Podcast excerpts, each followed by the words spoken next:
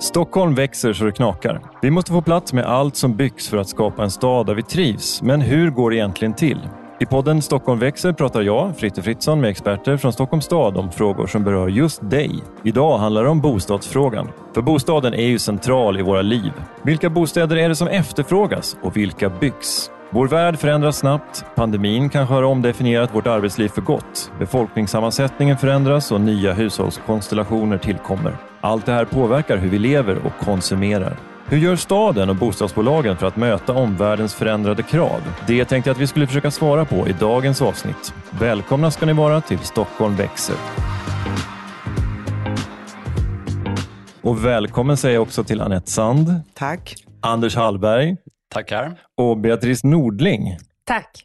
Eh, Annette, du är VD för Stockholms Hem med långt förflutet inom fastighetsbranschen. Ja. Eh, Anders, du är strateg på exploateringskontoret i Stockholms stad och följer noga hur många bostäder som byggs och funderar på vilka sätt vi kan öka bostadsbyggandet. Det stämmer. Och Beatrice, du jobbar med innovation på Svenska Bostäder med att hitta nya lösningar på gamla problem för att skapa framtidens boende. Jajamän. Om vi börjar lite nätt då. Vilka är de största utmaningarna kring att jobba med bostadsförsörjning i Stockholm?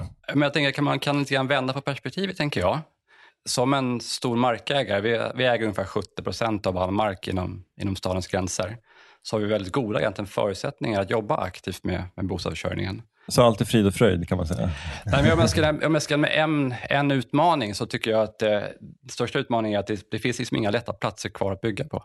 Precis, så att de platser som finns, de kräver kanske mer av, av alla intressenter för att de ska gå att bygga på då helt enkelt. De kräver oftast ganska stora investeringar från stadens sida. Ja. Mm. Och det är också faktiskt ett eh, perspektiv om man ser till utmaningar. Om man skulle ta ett, eh, ett eh, väldigt utzoomat perspektiv på det hela så är det ju så att människors liv eh, förändras snabbare än vår bebyggelse. Dels så är det väldigt stora investeringar, det är förändringar som tar tid och barn växer upp snabbare än så och nya hushållskonstellationer bildas snabbare än så. Så att det, det är alltid en utmaning att möta samhällsförändringarna i den fysiska miljön. Ja, och sen så har vi den stora utmaningen eh, är ju att eh, bygga, trots att det mest klimatsmarta skulle vara att inte bygga någonting, så behöver vi fundera över hur vi kan utnyttja det befintliga beståndet bättre. Och eh, naturligtvis hur vi ska bygga för att vara så klimatsmarta som möjligt. Men också biologisk mångfald och grönytor för, för människor och djur att, att vistas på. Så att någonstans så ska man få ihop väldigt många olika perspektiv. Och det är ju en utmaning i sig. Mm. Och en spännande utmaning. Ja, Jag. verkligen. jag som stockholmare då, som eh, inte har stenkoll på eh, staden och de kommunala bolagen. Eh, Om vi börjar med dig Anders, du jobbar på exploateringskontoret. Vad är egentligen er roll när det gäller stadsutveckling och bostadsbyggande? Alltså det korta svaret är ju att vi utvecklar och förvaltar stadens mark egentligen. Det lite längre svaret är att eh, ja, men det, är, det är ju exploateringsnämnden som, som egentligen fördelar stadens mark i form av markanvisningen, då, i form av markanvisningsbeslut. Ja, men låt säga att Stockholmshem eller Svenska Bostäder hittar en lämplig plats för bebyggelse. Eh, och då är det till, eh, då är det till exploateringskontoret de skickar sin markanvisningsansökan. Och sen så sker det en, en prövning tillsammans med övriga förvaltningar för att se just om, om platsen är lämplig för bebyggelse. Och sen så förhoppningsvis så leder det fram till ett beslut i exploateringsnämnden, då, ett beslut om markanvisning. Och man kan säga att markanvisning är ju egentligen ett startskott egentligen på själva stadsbyggnadsprocessen. Eh, men exploateringskontoret de ansvarar också för stadens investeringar i gator och, och parker. Men det känns som att exploateringskontoret i Stockholm har en kanske lite starkare roll än motsvarande eh, så här, förvaltningar i andra kommuner. Ja, men det är mycket tack vare att vi är en stor markägare. Alltså ungefär 70 procent av all mark inom stadens gränser ägs ju av Stockholms stad. Anette och Beatrice, ni representerar ju två av de tre stora kommunala bostadsbolagen inom Stockholms stad. Eh, Jag har bott i många år i Malmö och där var MKB det, det, det enda stora eh, kommunala bostadsbolaget. Eh, Hur fungerar det egentligen med, med att ha tre bolag på det här sättet? Hur samverkar ni? Ja, men vi samverkar hela tiden. Vi har lite olika förutsättningar, vi har lite olika organisationer eh, och, och vi har eh, lite olika fastighetsbestånd. Våra portföljer ser olika ut. Men vi samverkar ständigt och eh, hjälps åt att finna mark eller idéer. Ibland jobbar vi ihop och ibland jobbar var och en för sig. Men när man väl har en markanvisning till exempel, det är ju alltid enskilt för de tre olika bolagen. Och jag tror ju att Stockholm och stockholmarna eh, tjänar mycket på att vi är tre olika bolag. Därför att vi kan göra lite olika saker på olika platser. Och vi har lite olika idéer. Och sen brukar vi säga, det är ju ingen tävling, men det kan finnas någon slags sund konkurrens också ja, mellan er. En, en väldigt absolut. sund konkurrens för att det är verkligen samarbete i botten. Men ibland så blir det liksom att vi försöker vara Stockholmshem försöker vara bättre än de andra två och vice versa. Man kan ju säga att vi har eh, gått före där. Det är många som pratar om att affärsmodeller utvecklas på det sättet nu för tiden, att man snarare bygger partnerskap mm. än att försöka konkurrera ut varandra. Och så har ju vi jobbat under en lång tid, att dra nytta av varandras styrkor. Mm. Ja. Har ni några gemensamma utvecklingsprojekt då, eller gemensamma sätt att eh, utnyttja resurserna på bästa sätt? Ja, vi har ju till exempel Stockholmshusen som vi har utvecklat tillsammans, de här tre bolagen, och tillsammans med Explo och Stadsbyggnadskontoret. Och det har ju blivit ett väldigt lyckat koncept. Men eh, Stockholmshuset, eh, det är ett sätt att bygga något snabbare än vad man normalt sett skulle ja, ha gjort. Precis, och korta ledtiderna från 8 år till 4,9 har vi sett i den ja. senaste utvärderingen. Mm. Ja. Hur mycket byggs det i Stockholm just nu? Ja, men tittar vi sedan 2000 så har det byggts ja, men drygt 100 000 bostäder. Tittar vi istället från 2010 så har det byggts ja, men 62 000 bostäder.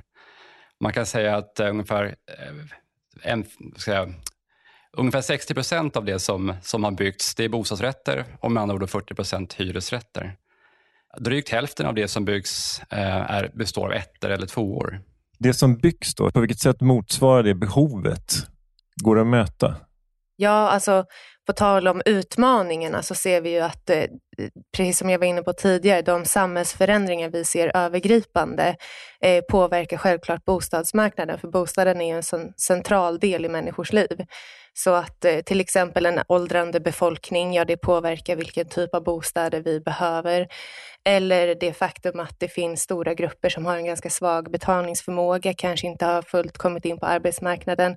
Det innebär också att det är eh, grupper som har svårare att efterfråga en bostad och särskilt svårt att efterfråga då en nyproducerad bostad. Och det eh, leder till det som Anette var inne på tidigare, att vi ser ju att vi har majoriteten av bostäderna finns i det befintliga beståndet och vi eh, tittar självklart på hur vi kan nyttja det på ett sätt samtidigt som vi kompletterar det med nybyggnation. Mm. Men den här eh, fördelningen mellan bostadsrätter och hyresrätter, där då ni representerar hyresrätterna, vem är det som bestämmer fördelningen där egentligen? Är det marknaden eller ni eller båda? Det är väl exploateringskontoret. Ja. Politikerna. Ja. Det är de politiska målen som styr, skulle jag säga. Vi har ju mål om att bygga hälften hyresrätter, hälften bostadsrätter. Ja.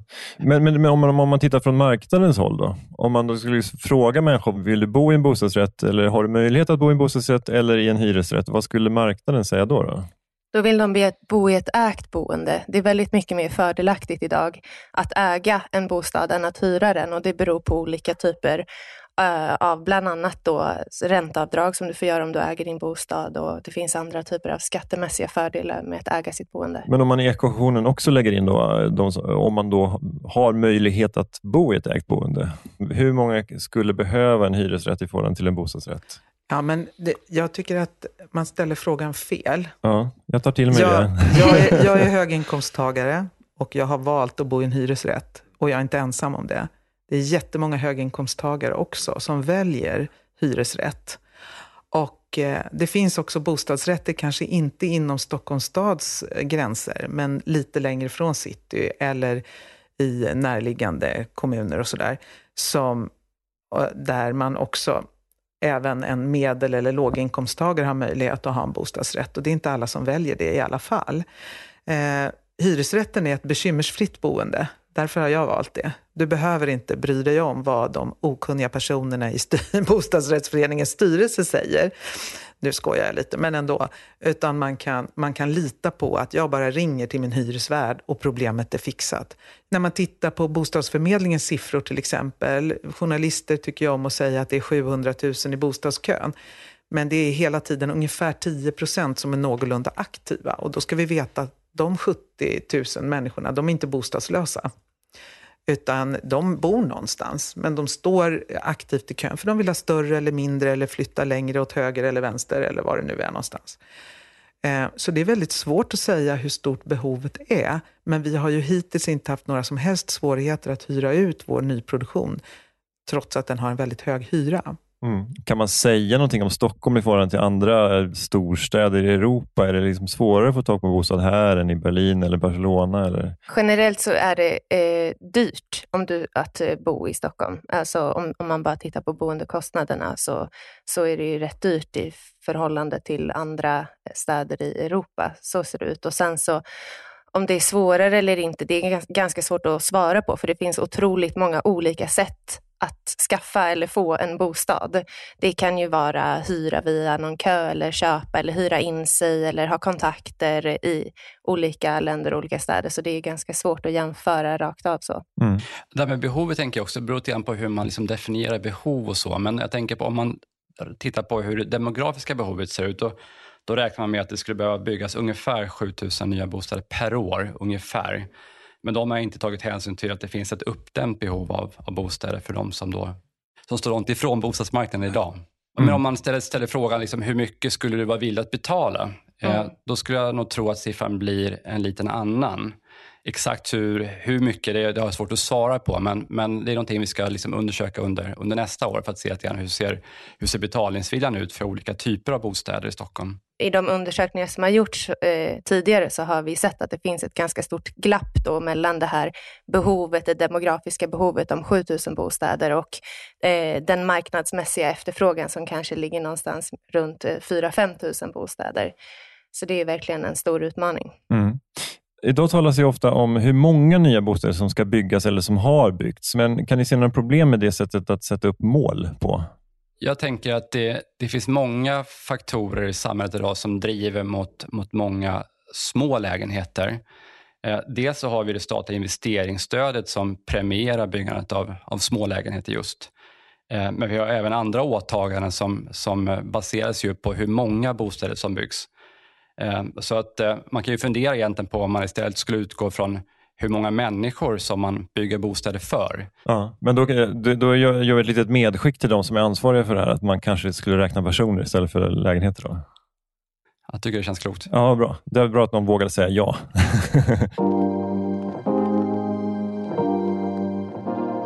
Men vi har varit inne på det redan, de här demografiska förändringarna som det diskuteras. Eh, befolkningen blir allt äldre och samtidigt har vi en kanske världsunikt stor andel eh, singelhushåll i Stockholm och vi ser en tendens att nettoutflyttningen från Stockholm ökar något. Vad betyder det här för er som jobbar med bostadsplanering? Jag tror att man ska, man får inte bli historielös här, utan eh, nyproduktionen har ständigt strävat efter, ända sedan någon gång på 1700-talet, att tillfredsställa de behov som finns just nu med nyproduktion.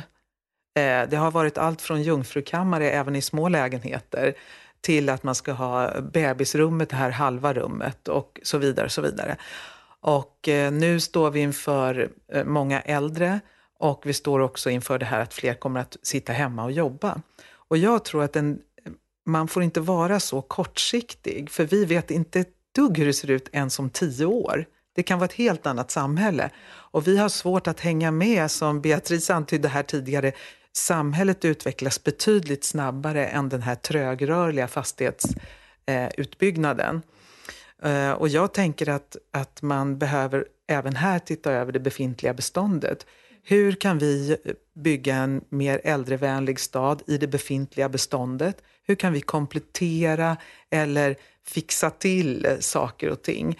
Och att man inte tror att alla äldre sitter i rullstol utan de allra flesta, och vi också här i rummet så småningom, kommer att se lite sämre, höra lite sämre eh, och behöva en rullator. Men vi kanske kan gå tre, fem trappsteg upp eh, och vi behöver ingen hiss. Och kan man, kan man jobba med det befintliga beståndet för att tillfredsställa de behoven, då tror jag att man har kommit en bra bit på väg. Sen är det också det här med stora och små lägenheter. Vi har många singlar och vi har många stora familjer. Där tycker jag att det är ett större bekymmer därför att väldigt stor del av vår, eh, vårt befintliga bestånd består av tre rum och kök. Små treor som man byggde på 40-50-talet Eh, fram till de stora man byggde på 70-talet och 80-talet. Och sen har vi minskat igen, men vi bygger fortfarande mycket treor. Och det är ju för att man var en kärnfamilj, två vuxna, två barn. Så det är nästan inga hushåll som ser ut så längre. Utan det är en vuxen, två barn, eller två vuxna, ett barn. Det är eh, massor med olika, det kan vara två vuxna och sju barn och det är väldigt många olika och så många singlar. Så vad vi behöver göra är väl att komplettera med det som saknas. Små lägenheter och stora. Men det är intressant det du säger om, om man, att man bygger för sin tid. För att Jag bodde tidigare i en lägenhet från 30-talet som hade en liten jungfrukammare. Ja. Långt efter att de säkert hade en, en piga då, mm. eller en ja. tjänstefolk. Men det var ju perfekt för då hade vi det här lilla rummet där, jag, där vi, jag och min tjej kunde ha som arbetsrum. Mm. Och sen när vi fick barn så blev det ett barnrum. Så, att, det. så att det, på något sätt så var det här otidsenliga sättet att, mm. att rita planlösningar på 30-talet blev bra för oss också. Ja, och det är det jag tror att det är viktigt att förstå. Att vi, det är vi människor som bor i de här fyrkanterna. Och det är vi som skapar hemmet. Det är vi som ordnar för oss. Och eh, de här väggarna, golv och tak vi kanske som planerare ser dem som begränsningar, men flyttar du in som familj så blir de möjligheter och du skapar själv din användning av dina rum. Det vi pratar väldigt mycket om idag eh, är ju flexibilitet mm. och det du beskriver är ju en, en typ av flexibilitet som säkert inte var tänkt när man ritade in eh, Jungfrukammaren. Men det är precis så vi skulle kunna tänka idag. Dels att vi, att vi bygger eh, med en flexibel struktur som kan förändras över tid, för det är det enda vi vet. Det kommer förändras. Alltså så att, så att vi planerar när vi bygger nytt för en förändrad användning över tid. Det, mm. det jobbar vi jättemycket med. Men hur, hur pass mycket tänker ni in det här i planlösningarna? Då, till exempel att man kan sätta in extra väggar och göra två små barnrum istället för ett lite större? Och så ja, absolut. Men jag tänker också att man kan komplettera Många behov kan finnas i kompletterande utrymmen i bostadsområdena. Vi gör ju nu försök i våra bostadsområden där vi tar gamla outhyrda mjölkbutiker eller någonting och gör då arbetshubbar eh, för de som bor i området. Och där, det utrustar vi med, med ja, lite kontorsmöbler och en kaffemaskin och, och lite sådana saker. Och så, så kan man gå dit och komma ifrån hemmet och gå dit och jobba, men det tar bara fem minuter att gå dit och du träffar dina grannar där dessutom. Och kanske kommer man på nya affärsidéer när man träffar någon från en annan bransch. Men det är ju, det är ju genialt. Men, men har ni några fler tankar kring eh, hur framtidens bostäder kan utformas då, eh, utifrån ett förändrat arbetsliv? Ja, alltså både utifrån ett förändrat arbetsliv och utifrån andra samhällsutmaningar. Vi ser ju att vi behöver jobba väldigt mycket mer med delade lösningar. Alltså att eh, dels så behöver vi nyttja ytor eh, på ett bättre sätt och bygga in den här flexibiliteten som jag pratade om tidigare. Och sen ser vi ju även den här, det här negativa flyttnettot som du pratar om, att vi behöver tänka på hur vi bygger en grön stad med integrerade grönstrukturer, kanske inte bara på gården, kanske i fasaden och att vi liksom har en, en stad där det är nära till naturen. Det har vi ju redan idag, men hur kan vi göra det än mer nära till naturen så att eh, vi, vi eh, eh fortfarande är en attraktiv stad att bo i. Och sen eh, det här med delade ytor är otroligt viktigt. Dels för att det då möjliggör för olika eh, hushåll eller människor som kanske idag känner sig ganska ensamma. Det finns ett stort problem i samhället med ofrivillig ensamhet i många åldersgrupper. Att man kan hitta en social gemenskap, att man kan ha olika typer av ytor där man träffas eller en liten yta eller en liten större yta där man vill ha det privat. Eh, och dessutom så blir det väldigt mycket mer klimatsmart att eh, bo så och dela på ytor och resurser. Så vi ser att det är en jätteviktig fråga framåt och, och nyttja delade ytor än mer. Mm låter bra. Men du var ju inne på det, Anette, på eh, bostäder för äldre, att vi kan tänka mm. i det befintliga beståndet också. Ja. Det är superviktigt. Men om ni ändå bygger nytt, nu är det kanske inte ni som ansvarar för det i första hand, men finns det någonting man kan tänka på när det gäller byggande för just äldre? Man kan väl säga att de senaste 30-40 åren så har vi ju byggt äldrevänliga bostäder på det sättet att det är tillgängligt, alltså som vi kallade det då, handikappanpassat. Och det gör vi ju fortfarande. Så att jag tycker att det skulle vara sorgligt om vi verkligen eh, liksom allt för mycket skiljer ut de äldre från andra boenden. Det är inte så många som vill det. En del vill det och då ska det finnas äldre, alltså seniorboenden. Men väldigt många vill ju bo i ett hus där det också bor barn och tonåringar och andra vuxna och så vidare. Det som kan vara bra med seniorboende, vi har gjort lite sådär att man kan spränga in några seniorboenden i, i ett och samma hus. Då vet de att ja, men där uppe på nästa plan, där bor det någon som också är hemma på dagarna. Och att man kan hitta varandra och det där sociala livet är ganska viktigt. Och vi vet att vi får fler äldre, men de är också friskare och vill ha mer umgänge och mer aktiviteter.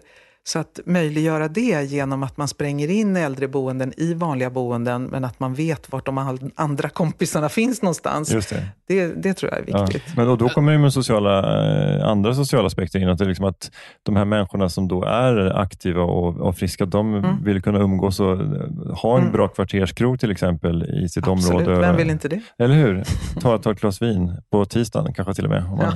Ja, men precis. Att det är ju så, det man kanske tänker på traditionellt, det är ju de här fysiska behoven. Men det finns ju även de sociala behoven och faktiskt även eh, en ekonomisk aspekt att fundera på. Många äldre har en pension som kanske blev lite lägre än vad de hade trott. Det var precis det jag tänkte komma in på också, just att alltså, bygga egentligen fler seniorbostäder med överkomliga hyror egentligen. Det är väl ändå det som är nyckeln, tänker jag. Mm. Men jag tänker på det, mycket av det befintliga beståndet, om man tar ett klassiskt hus från 40-50-tal, då kanske det är bara tvåor och treor i ett, ett enda hus och det kanske också gör att de som bor där liksom blir lite likriktade då. Jobbar ni mer så idag, skulle ni säga att, liksom, att det är allt från ett år till fem år till, till ja. seniorboende i samma fastighet? Ja. Vi håller ju på med ett litet pilotprojekt. Eh, vi hade ett hus som var meningen, här på Södermalm var meningen att vi skulle riva och bygga nytt.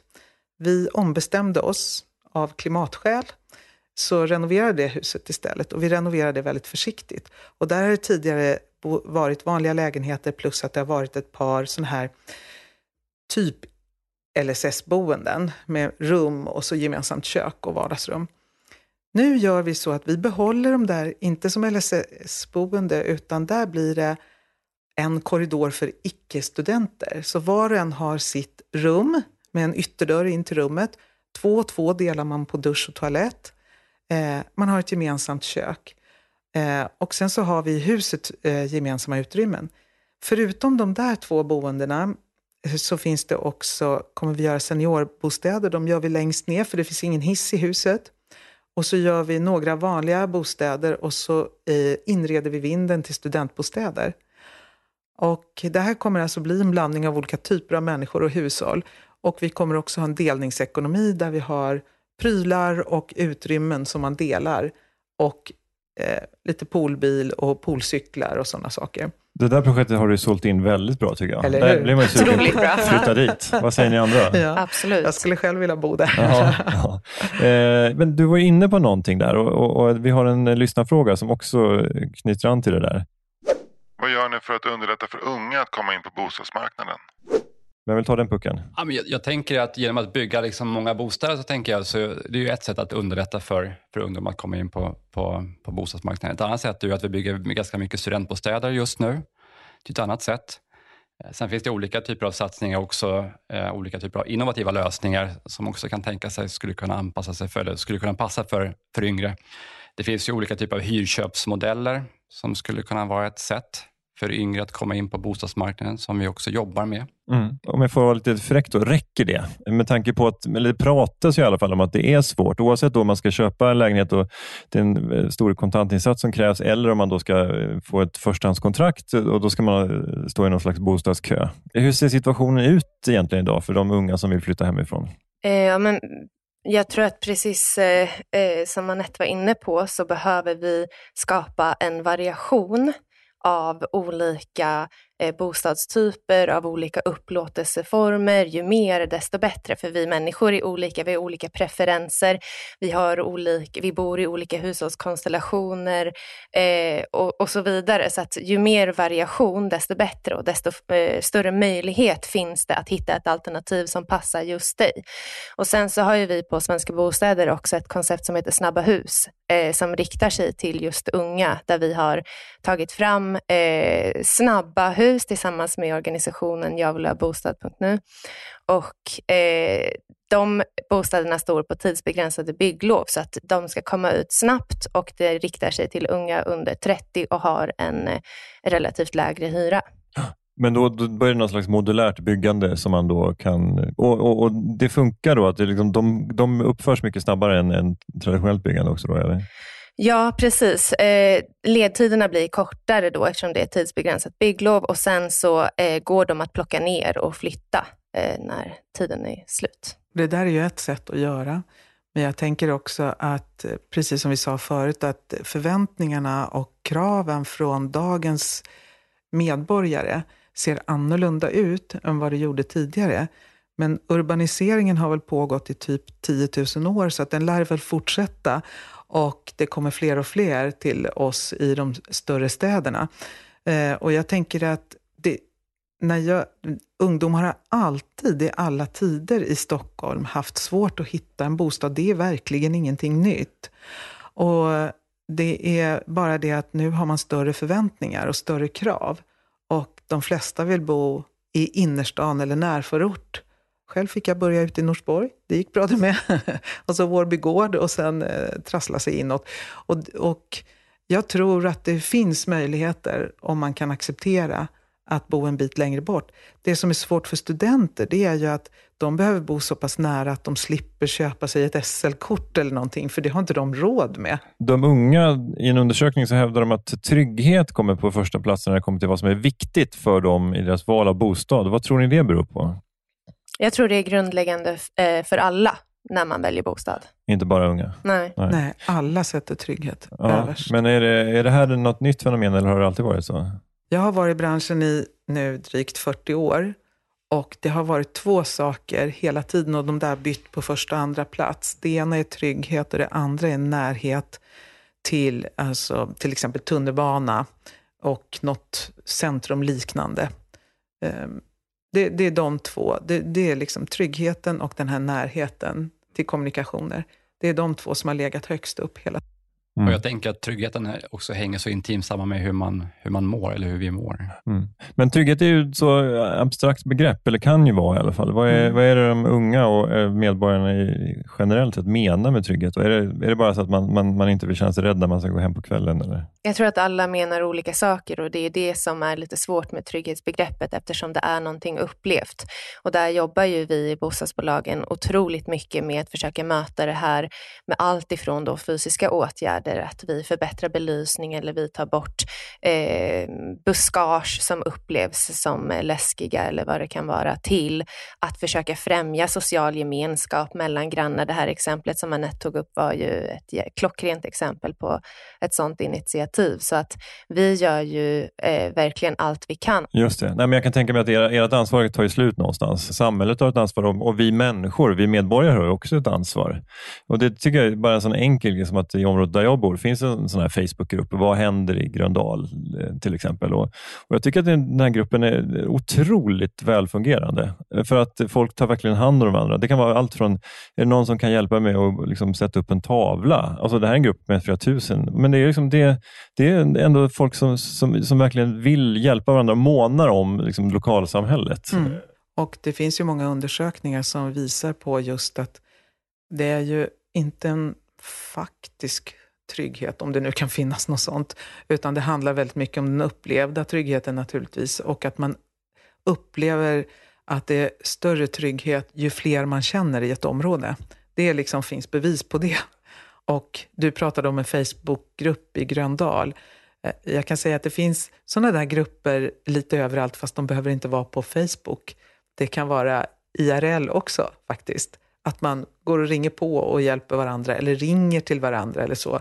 I, um, ja, det kan vara i Skärholmen till exempel, finns det sådana grupper som där man träffas liksom på torget och så är det någon som säger, men du, den och den behöver hjälp mm. med det och det. Ja, men jag tar det. Jag är så. chockad att man kan göra det här IRL. Alltså. Ja. men, och, och där, eh, till exempel vi på Svenska Bostäder, vi möjliggör ju för våra hyresgäster att starta gårdsföreningar. Man kan få ekonomiska medel då för att träffas och skapa aktiviteter eller göra någon gemensam insats i området som man vill. Och vi eh, håller också på att ta fram en app där man ska kunna kommunicera med varandra på just det här sättet. Så att vi eh, anstränger oss verkligen för att eh, skapa den här tryggheten och gemenskapen. Mm. Lysande. Bygg och bostadssektorn står ju för en stor del av klimatavtrycket. Vad görs för att minska det när ni planerar för och bygger bostäder? Jag tänker att vi försöker bygga både högt och tätt där det går för att minska just eh, fotavtrycket och för att bevara våra, våra parker. Det är ju ett sätt. Det är ju svårt, för som jag sa tidigare, det bästa är ju inte att bygga alls. Och då handlar det naturligtvis om att vid de tillfällen det går eh, använda befintlig bebyggelse som vi gjorde i det här huset som jag just berättade om. Eh, och man kan bygga på eller till, eller man kan bygga på befintliga hårdgjorda ytor som eh, garage eller p-platser eller annat. Men det är naturligtvis byggmaterialet och frakterna till och från och så vidare. Och i staden nu har vi ju tagit fram ett program för cirkulärt byggande. Och, och även om vi bostadsbolag och även till exempel SISAB som bygger skolor och så, vi, vi har naturligtvis det här högt på dagordningen, att hitta ett sätt att jobba cirkulärt och att hitta ett sätt att använda andra material än eh, cement och betong. Så, eller hitta klimatneutral betong så småningom, så, så är det klart att vi, det, vi är glada över att få det här programmet också från staden, för då blir det att man går lite grann i takt och kan hjälpas åt. Och jag tror på att att när man, när man jobbar tillsammans så kommer man längre i de här stora övergripande strategiska frågorna. Sen finns det andra frågor som att ta fram en app eller någonting annat. Då kommer man längre om man jobbar ensam för att då då kan man vara lite snabbare i besluten och så. Men de här övergripande frågorna är det väldigt bra att vi har sådana mm. program. Men jag tänker att det kommer in redan när ni från exploateringskontoret börjar liksom kika på var man kan bygga. För att till exempel då, kan man åka eh, på ett smart sätt med, med tvärbana eller tunnelbana till det här nya området. Då, det, det, är ju, det är ett sätt att minska klimatavtrycket. Potentiellt sätt att minska bilberoendet till exempel. Absolut. Ja, men det är klart att vi ska bygga i eh, kollektivtrafiknära lägen och det, det försöker vi också göra i den, i den mån det finns platser kvar att bygga på. Men det går inte alltid. Men sen kan man ju dra nya busslinjer också såklart. Absolut, man kan bygga ut tunnelbanan också. Ja. Jag, är, jag är ett stort fan. Jag älskar när de här eh, animerade kartorna hur, hur tunnelbanan kommer byggas ut. Ja, det är häftigt. Men eh, vad gäller byggsektorns klimatpåverkan så finns det ju eh, otroligt mycket vi kan vara med och bidra med där. Och, och där är verkligen stadens handlingsplan för cirkulärt byggande. Det, där är vi i framkant. Eh, och eh, det bästa är ju om vi ska bygga nytt, att använda material, eh, delar, eh, moduler som redan finns. Och eh, om det inte är möjligt så kan vi ha ett cirkulärt tänk när vi bygger. Vi kan bygga modulärt och tänka att vi ska kunna plocka ner det i så hög utsträckning som vi bara kan.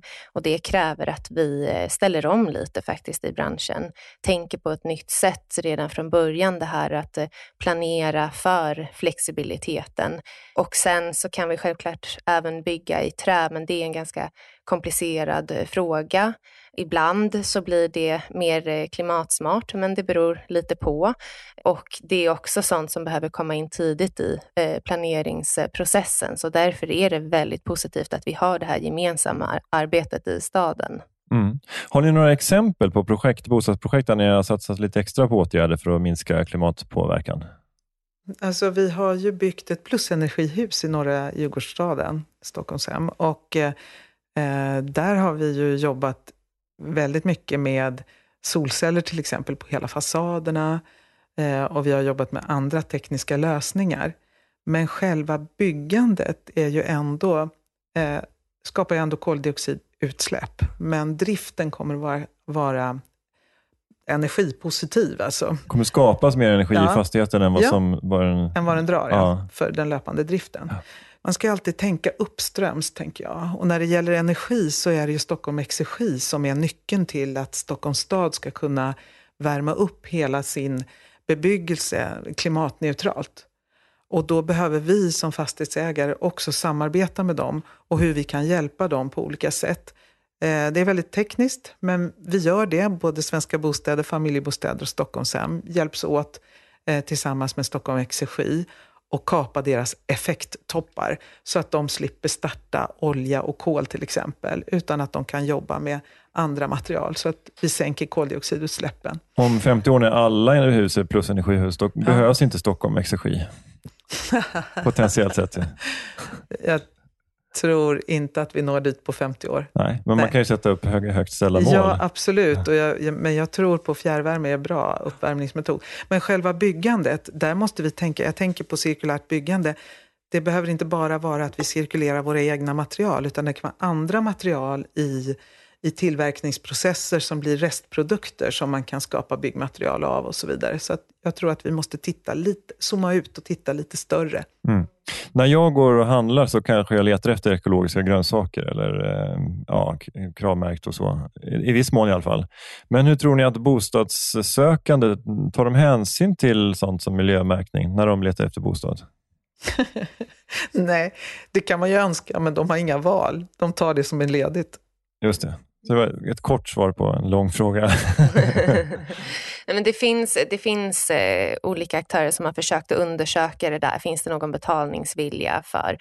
Ja, men det, är- det är väl lite... ehm, ja, det är inte så tydliga svar ännu, men eh, kortfattat så då skulle det ju finnas, det skulle behöva finnas ett eh, överutbud. Du kan ju välja vilka bananer du vill ha och så ser det ju inte ut idag på bostadsmarknaden.